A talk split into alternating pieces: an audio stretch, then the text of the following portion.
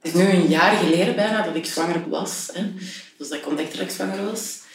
Dus het voelt wel bijna raar dat ik daar nog, nog over zou praten of zo met mijn omgeving. Omdat ik zo zelf wel het gevoel heb van... Ik moet hier eigenlijk al veel verder in kunnen staan. En, en ik ga ze daar niet meer mee, mee lastigvallen. Is dat een reactie die je al gekregen hebt van mensen? Ja, ehm, niet zo ehm, letterlijk, maar ik heb wel ooit de, de vraag gekregen van ah, hoe gaat het nu? En ik zeg ja, toch niet, niet goed. Ik wou ook zo eerlijk zijn toen. En toen kreeg ik de reactie, uh, ah, nog altijd, puntje, puntje, vraagteken. Oh, ja. ja. Van binnen zeker. Ja, ja, eigenlijk wel, omdat dat doet mij dan direct twijfelen aan mezelf. Overdrijf ik? Ben ik te gevoelig? Zo dat, eigenlijk, ja. Dat is iets dat veel mensen denk ik ook wel ervaren in een rouwproces. Dat mensen daar een datum of een eindtermijn op willen plakken. Maar mhm. eigenlijk gaat dat niet. Nee, dat gaat niet. En dat is eigenlijk toepasbaar op alle soorten rouw of alle soorten processen. Ja. Ik ben Julie van den Steen en ik ben 1 op 6. Op 18 juli 2022 ben ik mijn kindje verloren. Een zwangerschapsverlies. Ik heb me nog nooit zo alleen gevoeld. Terwijl dit gebeurt bij 1 op de 6 vrouwen. In deze podcast ga ik op zoek naar antwoorden. Ik wil je wel waarschuwen, want ik neem je mee naar mijn diepste emoties. Ik wist niet dat er zoveel pijn deed, fysiek ook, mentaal. Ik heb de hele tijd geweend. Mhm. En ik ween ook gewoon echt niet zo heel snel, normaal. Ik ging langs bij andere vrouwen die jammer genoeg over hetzelfde kunnen meepraten. Ik vond dat ze ook wel heel treurig. Dan zegt zie mij nu mm. zitten op het toilet. Ik ben nog altijd niet de vrouw van, er, van ervoor. Mm Ik weet ook niet als dat ooit terugkomt, want dat kraakt u zo. Achteraf gezien weet ik niet of ik misschien beter wat meer tijd had genomen, omdat ik vanaf dan paniekaanvallen kreeg op podium. En vraag me ook af hoe papa's met dit verdriet omgaan. Ja, ik weet dat niet, er is ergens iets gekrakt in mij. En, en ik wil niet meer vechten op geen vlak. Het is goed. Ik wil het graag allemaal begrijpen. Deze aflevering draait volledig rond het thema rouwen. Want ik ben nog steeds zelf op zoek naar een antwoord op mijn allermoeilijkste vraag. Hoe verwerk je dit verdriet? Wel, als we het hebben over rouwen, hebben we het eigenlijk over een intense, langdurige emotionele reactie op het verlies van iets of iemand waar we aan gehecht zijn. Uus Knops is psychiater en rouwtherapeut. Het rouwproces is haar dus niet onbekend. En dat komt niet enkel door haar job. Ze verloor ook zelf haar broer Casper 18 jaar geleden. En specifiek die hechting maakt het verhaal van het verlies om vroegtijdige zwangerschapsonderbreking complexer dan andere soorten van verlies. Vergelijk het bijvoorbeeld met een opa die sterft. Daar is een hele familie, een hele kring van mensen aan gehecht en iedereen deelt in het verlies. Maar wanneer je zwanger bent, deel je het nog niet onmiddellijk met de hele wereld, als we de drie maanden kaap nog niet gepasseerd zijn. Maar dat maakt natuurlijk ook dat er nog niet zoveel mensen op de hoogte zijn van onze zwangerschap.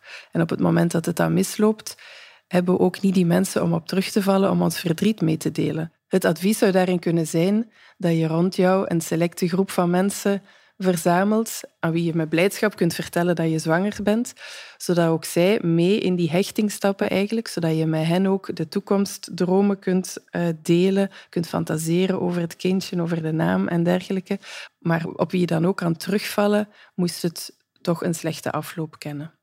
Dit verklaart ook waarom ik mij zo alleen voelde. Er was bijna niemand op de hoogte van mijn zwangerschap, waardoor ik het ook extra moeilijk vond om te vertellen dat ik het niet meer was. Daarom voelt het nu ook zo fijn om in deze podcast te praten met lotgenoten. Het helpt mij om het verlies een plekje te geven. Zeker na het gesprek met Ellemieke Vermolen. Zij bracht onlangs een boek uit over hoe ze terug de kracht vond na het verlies van haar zoontje Josha. Dat ze samen met haar ex-man Sergio Herman verloor op het einde van haar zwangerschap. Hi! Dag Ellemieke! Hi! Welkom! Ja, dank je. Ik ben blij dat ik u eindelijk eens in levend lijven zie. Is gelijk, zo ben knap. Oh, dank zie er mooi uit. Ik heb mijn best gedaan. Ja, ik zie het. Hoe staat je goed? Ik wil u eerst en vooral feliciteren met uw boek. Dankjewel, dankjewel. Ja? Ja. Ben je zelf tevreden? ja, ik ben er heel tevreden mee. Ja, het is echt zo magisch wat er eh, gebeurt eh, met het boek. Heb je het gelezen? Nee, nog niet. Nee, oké. Nou, je gaat veel dingen herkennen. Het is heel heftig. Wel, ja, ja, wel, omdat het zo heftig is, was ik nog even aan het wachten Ja, ja. om het te lezen. Ik was Ja. wel bang dat het heel triggerend zou zijn voor mij. Ja, absoluut. Maar ook wel weer werkt het heel helend. Dus het heeft eh, twee eh, functies eigenlijk. En ik Ja. vind het wel heel mooi om te zien hoe mijn boek wordt ontvangen door iedereen. En dat het echt bij de juiste mensen terechtkomt. En dat het zo ja, veel kracht geeft aan vrouwen. En Mhm. dat is natuurlijk gewoon ook mijn missie. Dat is mijn, de bedoeling van, van het boek. Ja. Ja. Het is op 2 maart dit jaar 2023 uitgekomen, hè? maar dat Ja. is niet zomaar op die dag uitgekomen. Dat is een speciale datum. Een speciale datum. Ja, dat is eh, de geboortedag van Joshua, dus van mijn zoontje. Mhm. Inmiddels zes jaar geleden. Dus zes jaar geleden is Joshua Ja, Joshua. stilgeboren. Ja, stilgeboren bij 39 weken zwangerschap. Dus ik was aan het einde. Ik was klaar om te bevallen. Ik had ook eh, ontsluiting. Ja, mijn gynaecoloog ging op vakantie. Drie weken ervoor. En die zei, eh, nou, alles ziet er goed uit. Eh, prima, wil je dat ik het ga halen? Want dan doe ik het voor jou. Dan ben je op, misschien op je gemak. En ik dacht, nou nee, ik geloof echt dat het op de natuurlijke manier moet. En een kind moet er klaar voor zijn om hè, op deze wereld te komen. Dus ik had zoiets van, nee hoor, ik ben prima, ik voel me goed. Ga maar met een gerust hart op vakantie. Ik ken ook de andere gynaecologen, dus dat is ook allemaal prima. En eh, nou, toen zei hij wel, ik wil wel dat je elke week op controle gaat. Hè, dat je in de gaten wordt gehouden. En eh, dan eh, ga ik inderdaad met een gerust hart op vakantie. Ik zei, nou, dat is goed. Dus ik elke week op controle. En eh, allemaal prima, eh, alles, eh, alles allemaal goed. En nou ja, bij 39 weken, de laatste week zeg maar, was ik daar de dinsdag. En nou, ook allemaal prima, hartslag, alles in orde. En ik moest donderdag terugkomen, want ik had al 2,5 centimeter ontsluiting. Dus ze zeiden, we gaan donderdag dan eventjes kijken of we het misschien een beetje hè, kunnen opwekken. Dus ik was daar donderdagochtend en ik, ik lag daar en er was een stagiair die ging mijn hart, de hartslag zoeken en zo en die kon niks vinden. En zij dacht van ja, ik doe iets fout. Ik ben stagiair, dus ik ga de hoofdverpleging erbij halen. Dus de hoofdverpleegkundige kwam erbij. En eh, die eh, raakte een soort van lichtelijk in paniek.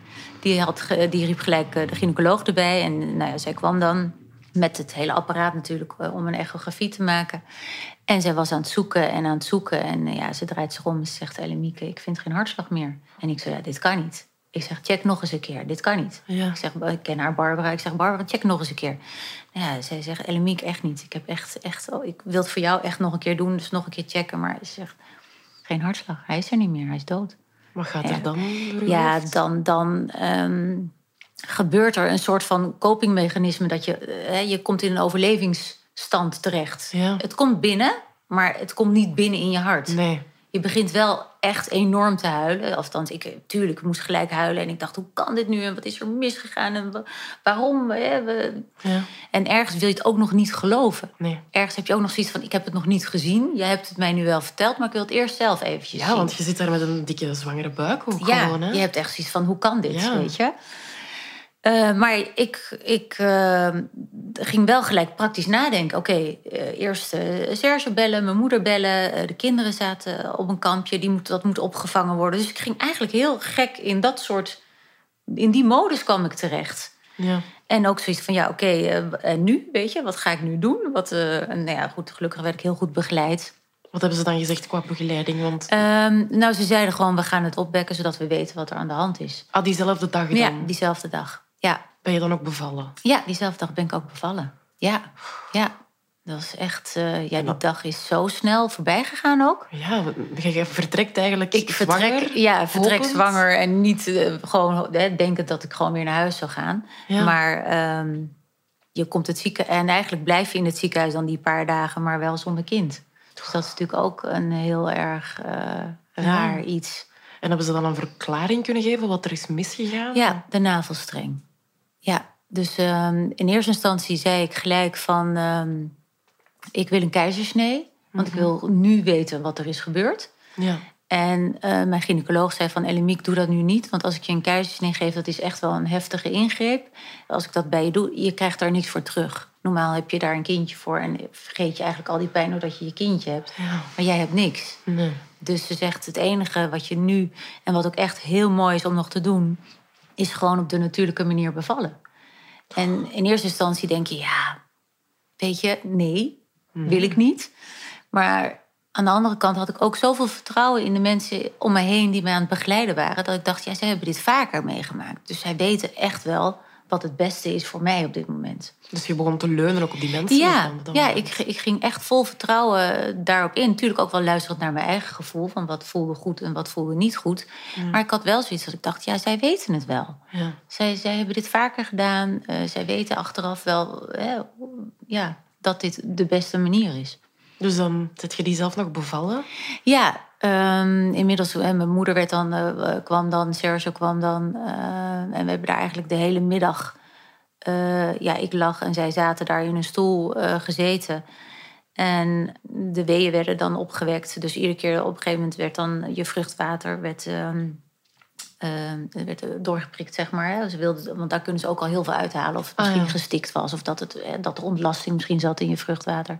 Ja. Daar konden ze niks in vinden. Dus voor ons was het ook steeds weer... oké, als dat het dan niet is, wat is het dan wel? Ja. Hè? Dat, dat, dat gaat wel de hele tijd door je hoofd. Van wat is er gebeurd? En ja, voor mij is het van negen uur tot- zeven uur s'avonds zo snel gegaan. Dat op een gegeven moment had ik 10 centimeter ontsluiting om zeven uur en kon ik gaan eh, persen. En ehm, ja, om eh, kwart over zeven lag hij op mijn borst. Ah ja, dus dat, dan Ja. heb je die wel vast dan. Ja, ja. Zo'n heel gek moment. is eh, een heel gek moment, maar wel een heel mooi moment. Ja? Omdat het, eh, het is grappig dat je het zegt, dus dan had je die vast. Heel veel mensen denken, eh, als je kindje dood wordt geboren, ja, wat, hoe ziet dat eruit? Of Ja. wat is dat? Kan je dat vasthouden? Of, Ja. hebben er totaal geen beeld bij, maar hij was volledig af. 39 weken is je kind af. Alles erop en eraan. Dus het was gewoon alsof hij sliep. Dus dat is natuurlijk heel heftig. Ja. Maar wel heel mooi om... ja, als je hem vast hebt, je bent gewoon moeder. Je telt zijn vingertjes, je telt zijn teennageltjes. eh, je telt alles. Je kijkt naar zijn haar. eh, het enige is dat hij gewoon stil is. Hij huilt niet. En dat is natuurlijk heel eh, confronterend. Dat is natuurlijk de, de pijn die je dan voelt. Van oké, ik ben moeder, maar ja, van een dood kind. Dat. Ja. Ja. Heb je dan iets gezegd? Of weet je nog dat moment wat hij aan het zeggen was of aan het denken was? Of was Sergio daar dan ook? Ja, ja, ja, Serge was er ook bij. Ja, we hebben alleen maar gehuild. Iedereen was aan het huilen in die kamer. Het was echt, eh, het was echt muisstil. Je hoorde echt alle tranen zo, weet je, eh, naar beneden vallen. En wij zaten ook echt zo van, oh, hij is zo mooi, hij is zo af, hij is zo perfect, hij is zo, ja, ons kind. Dat gevoel gewoon. Maar ehm, ja, het is natuurlijk... Het is natuurlijk een rauwe pijn die je op dat moment ook voelt. Je voelt in echt, het is heel gek, je voelt heel veel liefde. Want je bent moeder geworden. Maar je voelt ook heel veel verdriet. Ja. Omdat je kindje niet leeft. Dus dat contrast is zo, ook zo raar en, en bizar om te kunnen beschrijven wat je dan op dat moment precies voelt. Want je voelt trotsheid. van, Oké, ik ben moeder. Maar je voelt ook enorme, ik wil niet zeggen gelijk schuldgevoel, maar wel gelijk zoiets van shit, wat, waarom niet? Weet je? Wa- waarom is hij, is hij er niet? Waarom leeft hij niet? En dan heb- hebben ze hem dan weggenomen van u en dan onderzocht? Wat, Eh, nou, ze ze zagen gelijk toen hij eruit kwam dat het een navelstreng Ah. was. Want dat zie je gelijk, dat zat om zijn nekje. Ja. Ehm, maar hij was nog wel helemaal punktgaaf. Hij was echt nog wel, eh, ja, gewoon een prachtig eh, babytje. En daarna hebben ze natuurlijk verder onderzocht of ze nog andere dingen konden vinden. Maar dat, ja, de, de oorzaak was eigenlijk al, al wel gelijk duidelijk. Ja. Dus, en, en allee, hoe kan zoiets gebeuren? Want ik heb daar zoveel vragen over. De Ja. navelstreng in de buik kan Ja. dan Ja. verkeerd rond de nek komen en dat kindje inderdaad... Mijn navelstreng was blijkbaar heel lang. En sommige vrouwen hebben een korte, sommige vrouwen hebben een lange. En, en ja, je, het blijkt wel dat je het kunt zien op een echografie. Dus dat je Ah, het wel kunt zien dat die navelstreng rond het nekje zit. Maar eh, ja, bij mij eh, hebben we dat niet gezien. We hebben dat ook de laatste twee weken ook niet meer gecheckt. Ik weet ook niet wanneer het is gebeurd. Ik heb daar niks van gevoeld. Of... Nee, En dan Ja. kom je thuis zonder baby. ja. Ja, en dan begint het eigenlijk. Ja, dan begint het rouwproces, denk Ja. ik. Hè? Of hoe, hoe is Ja. voor jou gegaan die eerste dagen nadien? Ehm, ik ben gelijk eh, vanuit het ziekenhuis. ehm, de volgende dag gingen we naar huis. Eh, we hebben één, nacht, één nachtje daar geslapen. Ik heb daar met mijn moeder geslapen. En ehm, ik kwam thuis en ik ging gelijk de vaatwasser uitruimen. Ook zoiets banaals. Stom. Omdat Ja. ik echt dacht, oké, ik moet hier overheen. Dit is gebeurd, dat, pak, dat parkeer ik daar. Vaatwasser in en uitruimen. En doorgaan en doorgaan. En dat ik, mijn moeder had echt zoiets van, ja, Elemiek, doorgaan en doorgaan. Dit gaat niet, weet je. Je kan niet doorgaan en doorgaan. Dus, uh, maar ik wilde me groot houden. Ik wilde me sterk houden tegenover mijn andere twee kinderen. Ja. Ik wilde, uh, ja, ik was mezelf ook eigenlijk wel kwijt. Dus ik, ik wilde daar ook weer snel weer terug mezelf. Want ik dacht, ja, ik heb niks voor te zorgen. Hup, ik moet door, ik moet verder. Maar ja, je krijgt natuurlijk die klap genadeloos uh, keihard terug. Mm -hmm. Maar die eerste week, ja, je wordt ook gelijk geconfronteerd met... je moet een begrafenis regelen. Dus in plaats van beschuit met muisjes zaten wij een kistje uit te zoeken. Weet je, dat we echt dat aan tafel met die begrafenisondernemer in de eerste week. Want ja, dat moet binnen een week allemaal gebeuren. Dus dat is ook zoiets. Je bent nog helemaal, je, je lijf, melk, alles, je bent nog helemaal zwanger. Oh. Dus dan zit je daar. Oké, ja, hoe gaan we het doen? Ja, hoe gaan we het doen? Ja, ik heb geen idee. Nee, want dan op dat moment kon je wel laten leiden door, door je mama en door Ja, zeker. Ja, ja, ja. Op een gegeven moment dacht je wel van... oké, we willen natuurlijk wel heel um, ja, een mooi afscheid voor hem natuurlijk creëren. Maar meer, het afscheid is meer voor jezelf, omdat je weet... er is geen afscheid, weet mm -hmm. je. Althans, ik voelde niet van... ik ga hier afscheid nemen van jou, want jij bent er gewoon nog. Ja. Uh, op een andere manier. Maar dat besefte je dan wel op dat moment al? Ja. Dat is wel al heel ver, vind ik. Omdat, ja. Want hoe ga je dan van zo die automatische piloot van de vaatwas uithalen naar echt gaan beginnen verwerken? God, dat is, dat, dat is een proces. Dat is ook bij iedereen verschillend. Je kunt niet zeggen van de een, uh, daar is een, een regel voor of zo, of daar is een weg voor. Dat is zo persoonlijk. Mm -hmm. Bij mij was het gewoon in eerste instantie het uh, sterk willen zijn voor iedereen, hè, voor mijn omgeving. En denk met name voor mezelf. Mm -hmm. um, naar het proces dat ik dacht, oké, okay, nu kun je wel een beetje je verdriet uh, toelaten. Nu kun je wel een beetje gaan beseffen wat er is gebeurd. En wetende dat je het antwoord nooit krijgt waarom het is gebeurd. En dat je gewoon daarmee moet leren leven. En dat je dat een plek moet gaan geven. En een rouwproces is eigenlijk een weg om emoties een plek te geven. Zo moet je het zien. Hmm. En dat rouwproces is voor iedereen anders. De een heeft daar een jaar voor nodig, sommigen misschien wel twee maanden. Dat, daar kun je geen tijd op plakken. Hmm. En bij mij was het gewoon vooral, oké, okay, ik, ik, ik, um, het is zo onmenselijk om je kind te verliezen. Hè? Mm-hmm. Dat is tegen de natuur in. Het moet andersom. Ja. En ik dacht bij mezelf, oké, okay, hoe ga ik met deze pijn om? En ik weet ook dat als ik die pijn wegstop, krijg ik het later op een uh, latere leeftijd op een hele andere misschien, manier wel terug. Ja. Dat is vaak zo. Ja. Als je onverwerkt verdriet, onverwerkte pijn, onverwerkte emoties komen vaak door ziektes weer naar boven. Mm-hmm. Dus ik had zoiets van, nou, dat wil ik niet. En ik, ik wil ook die pijn aankijken. Ik wil ook ja, er naartoe. Ik wil daar gewoon echt, bam, erin duiken. Maar was dat een besef dat jij zelf had? Of is dat je omgeving dat Nee, dat had ik echt zelf. Dat had ik heel, echt heel zelf. straf ook. Maar niet gelijk binnen een week, hè? Nee, nee, nee. Nee, ja. nee, nee. Dat, daar, daar, daar zit misschien twee maanden tussen... dat ik dacht, oké, nu ga ik met mezelf aan de slag. Ja. En dan was dat ook twee maanden zo op die automatische piloot blijven...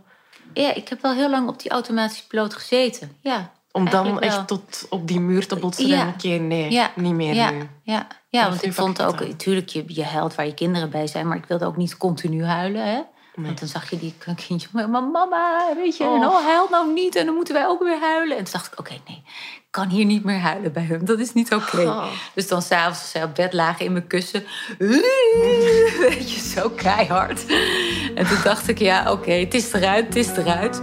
Ja, je, je zoekt gewoon allerlei manieren toch ook om, om het te kunnen verwerken natuurlijk. Hè. Om het ook wel, ja, het is niet zo dat je het niet mag tonen. Je mag het juist wel tonen, vind ik. Mhm. Maar het moet niet de overhand krijgen ook.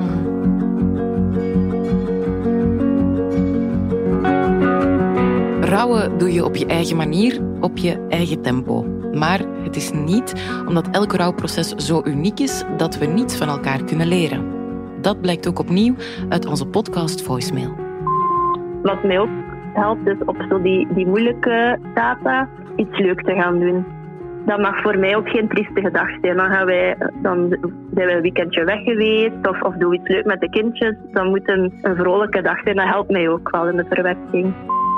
En in Afrikaanse cultuur rouw je heel kort. Dus op het moment zelf. En na een tijdje moet je het gewoon loslaten en accepteren. En ik moest opeens leren van nee, ik kan me er niet over zetten, want ik voel hier van alles. Ik voel pijn, boosheid, verdriet. Ja, dat kettingetje met uh, de assen van mijn dochtertje herinner ik altijd. Ja, zo is er altijd bij. En ook tijdens de laatste zwangerschap, tijdens elk moeilijk moment. Want ja, een echo op die, terug op die stoel liggen, dat was ja, heel moeilijk voor mij. En dan nam ik daar, die ketting vast. Ja, daar werd ik wel rustiger van. Rouwen ervaren we als een heel erg emotioneel proces. Maar als psychiater is Us ook geïnteresseerd naar wat er gebeurt in ons brein tijdens het rouwen. Onze hersenen hebben eigenlijk ook een hele belangrijke functie wanneer we rouwen. Zij moeten namelijk opnieuw leren hoe de realiteit er gaat uitzien. Ons brein heeft dus tijd nodig en nieuwe ervaringen, waarbij het het rouwproces eigenlijk ziet als een leerproces. Wat we al rouwende ook leren, is dat er na momenten van heel intens verdriet en pijn, dat er ook altijd wel weer een moment komt waarop het ietsje beter gaat. Dus het leerproces zit hem ook ehm, in het feit dat we weten dat die golven eh, van heftige emoties ook weer gaan liggen. Dat we eigenlijk eh, kunnen denken aan herstel. En eigenlijk zijn dat twee woorden die ook terugkomen in een beeld dat we gebruiken om naar rouw te kijken. Namelijk als ons leven een rivier is en wij zitten op het bootje op die rivier, dan wordt die rivier omgeven door twee oevers. Enerzijds de verliesoever en anderzijds de hersteloever. En volgens u is het belangrijk om altijd tussen die twee oevers, die twee kanten, te blijven bewegen. Ik heb lang op die verliesoever gezeten, maar sinds ik mijn verdriet heb uitgesproken, zet ik stappen richting de hersteloever. En op die oever ben ik heel graag. Na verloop van tijd zijn we het misschien zo gewoon om vooral op die hersteloever te verblijven en we zijn weer bezig met het werk en het dagelijkse leven. Maar het is toch belangrijk om toch wel op tijd en stond nog wel ruimte te maken voor onze rouw. En dat kan zijn omdat we daarin getriggerd worden en dan met onszelf die afspraak maken van kijk, ik voel dat het er echt nog zit of dat ik vandaag heel erg geraakt was en ik heb nu overdag geen tijd om er ruimte aan te geven, maar vanavond ga ik dat doen. Maar je kan dat bijvoorbeeld ook meer formaliseren. Als ik daarin naar mezelf kijk en mijn eigen rouwproces, dan blijft bijvoorbeeld de overlijdensdatum van mijn broer een dag waarop ik altijd verlof neem. En dan duik ik uh, in mijn verdriet. Dan doe ik iets wat op dat moment symbolisch is, wat mij erg doet denken aan hem. Ofwel is dat alleen ofwel in gezelschap. Maar dat is echt een dag waarop de tranen weer mogen komen, waarop ik heel boos kan zijn, waarop ik heel verdrietig kan zijn, waarop ik echt heel bewust ruimte maak voor mijn rouw. Verdriet toelaten, daar kunnen we ons allemaal iets bij voorstellen. Maar natuurlijk blijft de grote vraag, hoe herstel je dan weer na dat verdriet? Een veelgestelde vraag bij rouwen is, hoe moet ik het doen en hoe kan ik vermijden dat ik het verkeerd doe? Wel, een belangrijk element daar vind ik dat je bij jezelf op zoek gaat. Hè. Enerzijds is erkennen belangrijk, maar anderzijds ook verkennen. Ga eens bij jezelf op zoek van wat voel ik, wat heb ik nodig, maar ook wat kan ik goed en op welke manier kan ik mijn talenten gebruiken om nu aan de slag te gaan met mijn rouwproces. Als ik bijvoorbeeld denk aan het feit dat ik graag met woorden bezig ben, graag schrijf. Ik heb er een boek over geschreven. Um, deze podcast is ook een heel erg mooi voorbeeld van omgaan met rouw en tegelijkertijd met een, een, een passie en een talent. Maar het moet niet altijd um, openbaar zijn of niet altijd iets groots zijn. Denk bijvoorbeeld aan ja, een oma of opa die ook heel erg verdrietig is over het uh, vroegtijdig zwangerschapsverlies um, van een van de kinderen. Die beseft hoe belangrijk het gezinsleven en het familieleven is en elke week een grote pot spaghetti maakt om de familie samen te brengen rond de tafel. Behalve actief dingen doen in je rouwproces, is praten ook heel erg belangrijk voor de meeste mensen. Hierin is mijn advies, zoek echt een aantal mensen rond je waarvan je zeker weet dat je daar altijd bij terecht kunt om te praten en om te huilen of om af en toe eens te zwijgen. Zeker om je verhaal herhaaldelijk aan te vertellen, omdat dat zoveel deugd kan doen. En in eerste instantie zullen er genoeg mensen zijn die jou wel wat feitelijke vragen stellen, maar je hebt toch wel een handvol mensen nodig bij wie je telkens opnieuw terecht kan. En zoek die mensen voordat je eigenlijk professionele hulp zoekt, want de beste hulp zit vaak ook wel heel erg dichtbij. Ook Ellemieke heeft haar talent gebruikt om haar verdriet te verwerken. Haar prachtige boek is daar het bewijs van. Maar naast schrijven zijn er nog een heleboel andere tools of manieren die haar hebben geholpen in haar verwerking. Zijn er zo nog echt belangrijke lessen dat je hebt getrokken uit het verwerkingsproces? dat je echt de tijd ervoor moet nemen. En dat Mhm. je niet moet denken, oh, dit is binnen een paar weken gefixt of zo. Nee, je moet gewoon eh, de tijd voor jouw ehm rouwreis, noem ik het altijd. Hè? Jouw Mhm. reis, neem de tijd. Er zit geen tijd aan vast. Tijd Mhm. bestaat niet. Weet je? Mhm. Het is voor iedereen anders Ja. En, en, en eh, oordeel niet. Wees lief voor jezelf. Want het gaat om jou. Weet je? En niemand kan tegen jou zeggen: ja, maar vandaag, eh, vandaag niet, hè, doe even normaal. Niet huilen weer, hè, of dit. Moet jij huilen, huil je. Ben je boos, ben je boos. Doe. Luister naar je lichaam en, en, en volg vooral je hart. Mhm. Dat, dat is het allerbelangrijkste, waar jij je goed bij voelt. En als je dat doet, dan kom je er wel. Mhm. Dan is er op een dag dat je denk je: oh wauw, ik, ik, ik heb even niet aan hem gedacht. Oh, en dan voel je je in eerste instantie schuldig. Want dan denk je, ik heb alle dagen aan hem gedacht. En nu is vandaag de eerste dag, ik denk niet aan hem. Oh. Maar dat is juist mooi. Dat is juist goed. En dat is een teken dat je verder gaat. Dat is een teken dat je ook verder wil. Als jij de intentie hebt, de gedachte hebt van ik wil hieruit, dan kom je eruit. Want dat is Mhm. eigenlijk het eerste wat je moet beseffen. Hoe is dat dan gegaan? Hoe heb je dat aangepakt? Heb je, hoe concreet zet je daarmee om? Eh, nou, ik heb een aantal dingen daarvoor gedaan. Ik ben al heel snel begonnen met eh, EMDR. Dat Ah, is een traumatherapie. eh, ja, traumatherapie. Ja. En dat heeft bij mij heel goed geholpen. Ehm, dat is ook weer voor iedereen verschillend hè, hoe je daarop op reageert. Maar bij mij was dat heel effectief. Heel intensief. Maar wel echt wel dat ik dacht na elke sessie... wauw, ik ging daar huilend de deur uit. Maar wel weer wat van mijn schouders af. Dat voelde je ook Ja. echt. En hoe, Ja. hoe zag zo'n sessie er dan uit? Ehm, heel verschillend, maar eh, concreet komt het erop neer dat je steeds je verhaal moet vertellen van hè, het moment dat je wist dat hij niet meer leefde in je buik, tot het moment dat hij werd geboren en, en de begrafenis en al eigenlijk een soort film moest je steeds vertellen. Ja. En iedere keer als je die film aan het afspelen was, eh, ja, komen er momenten dat je begint te huilen, omdat het zo intens heftig is. Dus iedere keer bij dat stukje waar je dan aan het huilen was, daar zat dus nog die pijn. Mhm. Dus iedere keer moest ik die film weer opnieuw vertellen, weer tot dat stukje dat ik weer, weer moest huilen. Net zolang totdat ik niet meer moest huilen. Lijkt me moeilijk wel, hè? Ja, dat is heel heftig. Ja. Nou, En er was ook een sessie. ehm, ik heb bijvoorbeeld heel erg eh, een schuldgevoel gehad. Misschien dat je dat herkent. eh, dat je denkt, oh ja, mijn lichaam heeft gefaald. eh, verdikke me, wat Ja. ik, mijn moederinstinct. Ja. Waarom? Weet je, ik ben geen vrouw of zo. Er klopt hier iets niet. Dus ik had heel erg dat schuldgevoel van dat ik dacht, ik had, ik had dit toch kunnen voorkomen. Waarom heb ik dit niet aange- aan zien komen? En dus in een van die sessies moest ik dus mijn schuldgevoel delen met Joshua.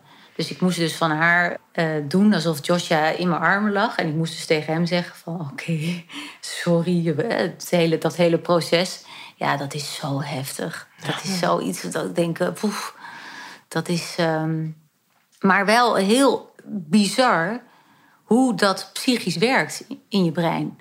Want op dat moment heb ik dat wel van mij afgezet. Ja. Kon ik dat van mij afzetten, dat schuldgevoel? Uiteindelijk kon ik echt, heb ik echt dus inderdaad tegen hem gezegd... ja, sorry dat ik een slechte moeder ben geweest of zo. Weet je, dat gevoel. Of sorry dat mijn lichaam heeft gefaald, weet je. En door dat uit te spreken naar hem toe... krijgt dat een plek in je lijf. Heel gek. Ja, moet je wel ook voor openstaan, denk ik, hè? Daar moet je voor openstaan. Het is, het is ook niet zo dat al die EMDR-sessies zo gaan. Ah, ja. Hè? Het enige wat wel bij elke sessie overeenkomt... is die, die movement voor je ogen. Dus dat ze met twee vingers voor je ogen heen en weer gaan. En dat je steeds je verhaal moet vertellen. Tot waar, je, zeg maar, eh, waar de pijn zeg maar, zit Ja. in dat verhaal. Ja. Dus dat is echt de professionele hulp? Dat is echt profe- professionele hulp. En daarnaast had ik eh, allemaal affirmaties neergeschreven voor mezelf. En affirmaties, ik weet niet of je daarmee bekend Ja, bent. ik ken dat wel. Ik heb dat nu wel nog niet heel actief toegepast zelf. Is dat iets dat je eh, eerst opschrijft en daarna luidop in de spiegel tegen jezelf zegt? Of hoe kan iemand die dit nog nooit heeft gedaan daar het beste aan beginnen om het toch een kans te geven? Eh, nou, door ze sowieso eerst op te schrijven. Dus maak voor jezelf een lijstje wat voor jou eh, fijne affirmaties zijn. Hè? Hoe wil jij je eigenlijk voelen? Ah ja. Dat is eigenlijk een beetje, hè, wil jij je eh, gelukkig voelen? Wil je je zelfverzekerd voelen? Wil jij je trots voelen? Of wil jij je gezond voelen? Of ja, je wil je, denk ik, iedereen wil zich goed voelen. dus je pakt die affirmatie en die schrijf je dan altijd op in altijd in tegenwoordige tijd. Oké. Dus ik voel, ik ben gelukkig. Niet, ik, ik wil gelukkig zijn. Ah ja, nee. Nee, je bent het al. Oké. Dus alles schrijf je al op alsof het al zo is. In het moment. In het moment. dus dat hoeven er maar tien te zijn. Het mogen er vijf zijn dat, eh, waar jij je prettig bij voelt. En die herhaal je steeds. En het beste is dat je die voor het slapen gaan herhaalt. En bij het opstaan herhaalt. Oké. Ja. En ook luidop dan? Of is het Eh, in voldoende in, jezelf, je hoofd? in je hoofd is Ah, ja. prima. Luidop eh, is nog krachtiger natuurlijk. Hè? Van, ik, zeker als je in de spiegel ook nog eens een keer jezelf durft aan te kijken. Want dat is ook nog vaak moeilijk voor mensen. Maar echt, ik heb ook eh, zeker die confrontatie aan van... ik hou van mezelf en ik ben het waard en ik ben een goede moeder. En dat soort affirmaties had ik eh, een hele lijst. Ik denk een stuk of twintig of zo. Echt dus positieve Ja, gedachten ja. over jezelf die je luidop zei. Opdat Ja. je hersenen en het lichaam, het gaan, je lichaam dat gaan geloven. Dat... ja, want hoe, hoe, hoe meer jij eh, je, herp... je... Eigenlijk is het een soort van herprogrammeren van jezelf. Hè? Ja. Je herprogrammeert je onderbewustzijn. En door die affirmaties, door die ehm, uit te spreken... en door dat gevoel, die emotie daaraan te koppelen... wordt het werkelijkheid. Ja. Wij zijn zo sterk en zo krachtig. Wij kunnen onze eigen werkelijkheid creëren. Ja. Maar dat lijkt me wel al, al heel ver in die verwerking. Dat is heel ver in die verwerking, Ja. absoluut. Dat, is, eh, dat, dat kost een jaar misschien wel, of twee jaar, weet je, om daar eh, echt dat te voelen. En het is ook niet zo dat, dat eh, met het verwerken, met het rouwproces, dat het verdriet weg is. Nee, Nee. het verdriet blijft. Dat blijft je hele leven lang. Mhm. Alleen, het krijgt een andere lading. In het begin was dat verdriet misschien 100 punten. En nu is dat drie punten of zo. Snap Mhm. je? Dus je, het krijgt een plek. En dat vind ik ook heel mooi van, eh, van rouw. Dat dat eh, een kwestie van tijd is. Ja, dat is ook het doel hè, van Ja. zo'n verwerking, het Ja. een plekje geven. Ja. Ik vind dat mooi verwoord met punten. Dat is heel concreet. Ik denk dat dat voor veel mensen ook kan, en voor mij, kan Ja. werken om ze punten te ja. geven. Ja. En je, gaat, eh, je, je begint op 100 en je gaat naar 99, 98. En dat gaat heel langzaam die eerste weken. Van, oh, dat verdriet, dat duurt heel Mhm. lang. Maar na, ik kan nu na zes jaar, kan ik zeggen dat ik op drie zit. Snap je? Dus dat is, heb ik zes jaar over moeten doen. En ik zit nog niet op één, hè? Dus, Ja. En het hoeft ook niet. Ik hoef ook niet naar één. Ik vind drie prima. En hoe voel je En de- soms is het tien. Soms Ah, ja. bijvoorbeeld met speciale dagen of zo, weet je, met kerst of Sinterklaas of met, ja, met zijn verjaardag, dan is het toch, dat komt dat verdriet weer even extra naar boven. En dan denk ik, oh ja, oké, nou, het mag. Ik laat het ook toe. Ja, ik ben niet elke dag positief. Hoewel, wel eigenlijk wel heel vaak. Maar ik probeer wel altijd het positieve te zoeken in een situatie. En ik probeer dat als ik in een bad vibe zit, zo snel mogelijk uit die bad vibe naar een goede draaischijf. Ik noem het dan de, zeg maar draaischijven. eh, van de positiviteit waar ik op wil zitten. En hoe doe je dat dan? Wat doe je dan? Nou, dan denk ik aan iets heel leuks. Of ik zet bijvoorbeeld muziek, werkt ook helend. Ik heb een playlist gehad eh, toen net naar het verlies van Joshua en na mijn scheiding, dat ik echt dacht: wow, kom maar op. Zet die muziek maar op. Yeah, baby. Oké. nou, dat brengt je ook zo in de moed. Zalig. Ja, of echt, een, echt een, een, een, een nummer dat ik vreselijk alleen maar moest huilen. Dat, dat, een nummer dat me zo verdrietig maakte. En dat ik echt... Oh, ik zit er helemaal in. Ah, ik ben echt zielig. Weet je zo. Maar daarna ook gewoon weer even een nummer doorpakken. Oké, dat is eruit. Die tranen zijn weg. Nou, even dat nummer. En dan, ja, baby, oké.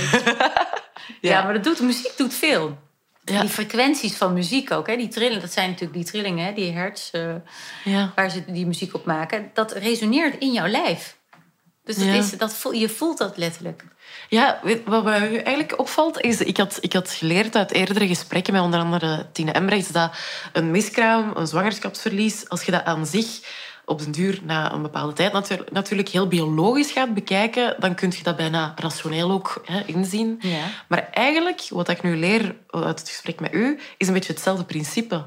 Als je het bijna ook biologisch, wat je hersenen kunnen betekenen in de verwerking, gaat Ja. bekijken, Ja. dan is het ook bijna vanzelfsprekend wat je moet doen om, om beter te worden. In of om feite allee, wel. We hebben allemaal dezelfde keus. Ja. Alleen de keus ligt wel bij jezelf. Ja. Je moet het zelf doen. En tuurlijk, en het is heel fijn als je een therapeut hebt. Hè? Want met mijn eh EMDR ook. Ik, ik Ja. was heel blij dat ik dat eh, heb gedaan. Want het heeft me verder gebracht. Maar in principe kan je het gewoon allemaal zelf. Het is ook, het- dan moet je ook in zoeken van wat helpt voor jou wel. Maar bij mij werkt ook heel goed mediteren bijvoorbeeld. Want het is zo ehm, ja, slecht om alles vast te houden. Je moet, je moet daar doorheen. Je Mhm. moet dat, en ik vind mediteren wel een hele krachtige tool. En mediteren is niet zo eh, op je matje zitten en zen. Ja, maar veel mensen hebben dat beeld. hebben dat ik. beeld. Tuurlijk, dat doe ik ook. Hè? 's ochtends, eh, als ik daar de tijd voor heb, of een avondmeditatie. Maar je kan ook heerlijk in je bed liggen. Je kan ook in, tijdens het autorijden. Eh, het is niet dat je altijd je ogen Oh, dicht... Ja, je hoeft niet altijd je ogen dicht te hebben. Mediteren kan... Eigenlijk is mediteren gewoon focussen om in het nu te zijn. En hoe doe je dat dan tijdens het autorijden? Want Nou, dat ga ik wel doen. Ja, nou, tijdens het autorijden, eh, als ik in de auto zit soms... dan kan ik dus gewoon een soort van mijn affirmaties erbij pakken. En dan een soort van medita in een meditatieve stand. Hè? Want je, ik rijd natuurlijk let ik op... maar ik, ik haal dan mijn affirmaties in mijn, in mijn hoofd en ik rij auto. Oh, oké. Ja. Ehm, dat boek schrijven, is dat ook een deel van uw verwerking geweest dan?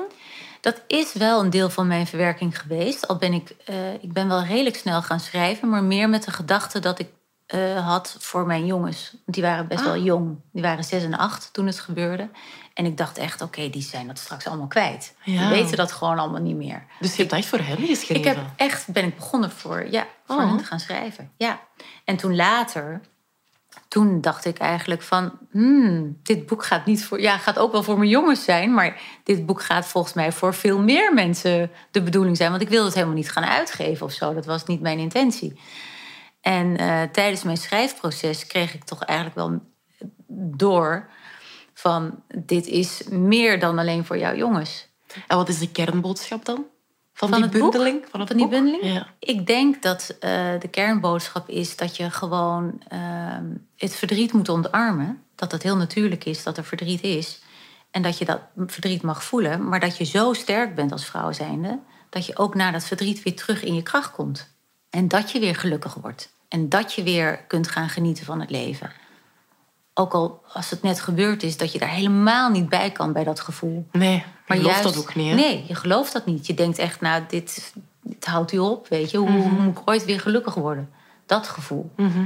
En ik weet gewoon uit ervaring dat je echt weer gelukkig wordt. Hoe kijk jij nu naar het leven en de toekomst? Nu met dat extra gewicht in je rugzakje? Goh, de beste is yet to come, zeg ik altijd. En daar wil ik eigenlijk ook in geloven. The best is yet to come. Ellemieke is bijzonder positief, maar het viel me wel op dat ook zij last had van schuldgevoelens. Het is iets dat echt in elk gesprek weer naar boven komt. Het gevoel dat je lichaam heeft gefaald. In elk rouwproces is het zo dat ons lichaam meer rouwt. En al helemaal als we te maken hebben met een vroegtijdig zwangerschapsverlies, dan ontstaat er toch nog een complexe relatie tot het lichaam dat ja, gefaald heeft of dat alleszins niet geslaagd is in iets wat dat we graag wilden. En voor veel, vrouwen is het zo dat de verhouding met hun lichaam nadien wat moeilijker wordt. Op zich dus helemaal niet abnormaal, maar zeker wel de moeite om aandacht aan te besteden. En dat hoeven geen grootste dingen te zijn. Hè. In die end is er wel iets mogelijk, zoals ehm, lichaamsgerichte therapie, maar ook daar zijn er wel een heel aantal stappen die daaraan vooraf kunnen gaan. Bijvoorbeeld voor je je omkleedt, al een paar minuten in je blootje rondlopen, bijvoorbeeld in huis. Stilletjes aan proberen om terug in de spiegel te durven kijken. Ik hoor vaak van vrouwen dat ze het moeilijk vinden om te douchen en om zich helemaal te wassen. Probeer daar bewust bij stil te staan, daar je tijd voor te nemen, wat extra aandacht te besteden aan, ja, aan de sfeer in de badkamer, aan nadien rustig bodylotion insmeren. En voor jezelf zo op die manier wat stappen inbouwen om weer te wennen aan dat lichaam en om geleidelijk aan je lichaam ook weer graag te mogen zien.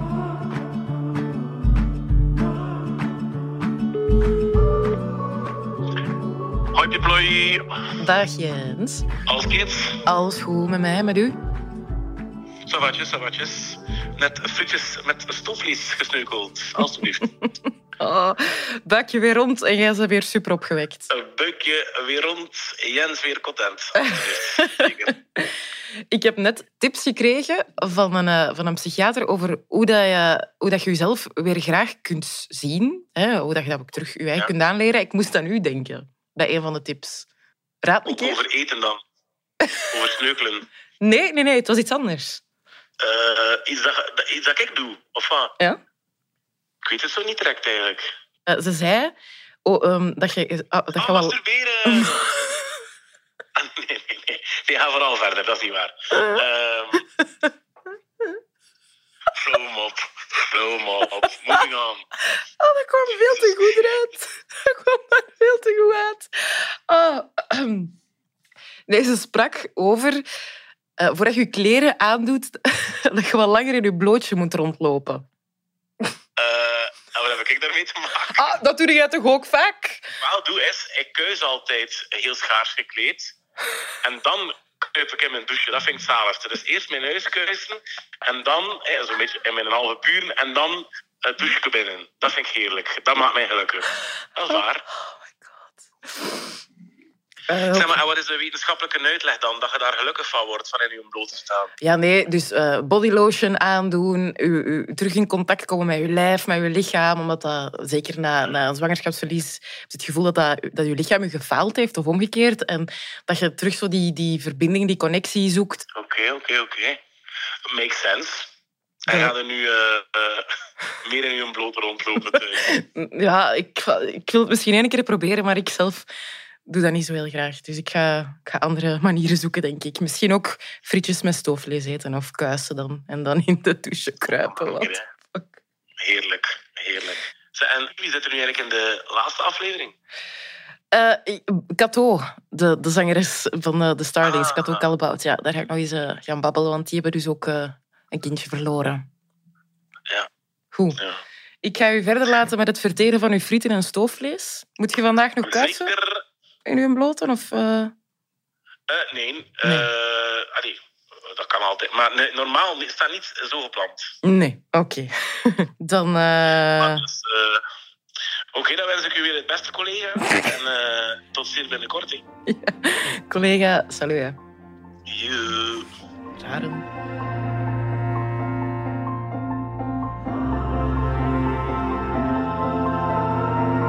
Volgende week dus de laatste aflevering, waarin ik te weten wil komen hoe je na zo'n verlies bewust kiest om opnieuw zwanger te willen worden. En waarin we focussen op het fertiliteitstraject. Kato Kallebout, zangeres van de Starlings, praat er heel open over. Ja, van die hormonen, je buik zwelt echt enorm op. En je hebt, ja? Uh, ja, er zijn mensen die hun ijsprong voelen. Ja, ik heb dat. Ik heb dat ook, maar dat is dat 21 eitjes. Dus oh. kun je je voorstellen dat je je voelt je echt een beetje een opgeblazen... Ja. Uh, ja. Ja, letterlijk. Ja.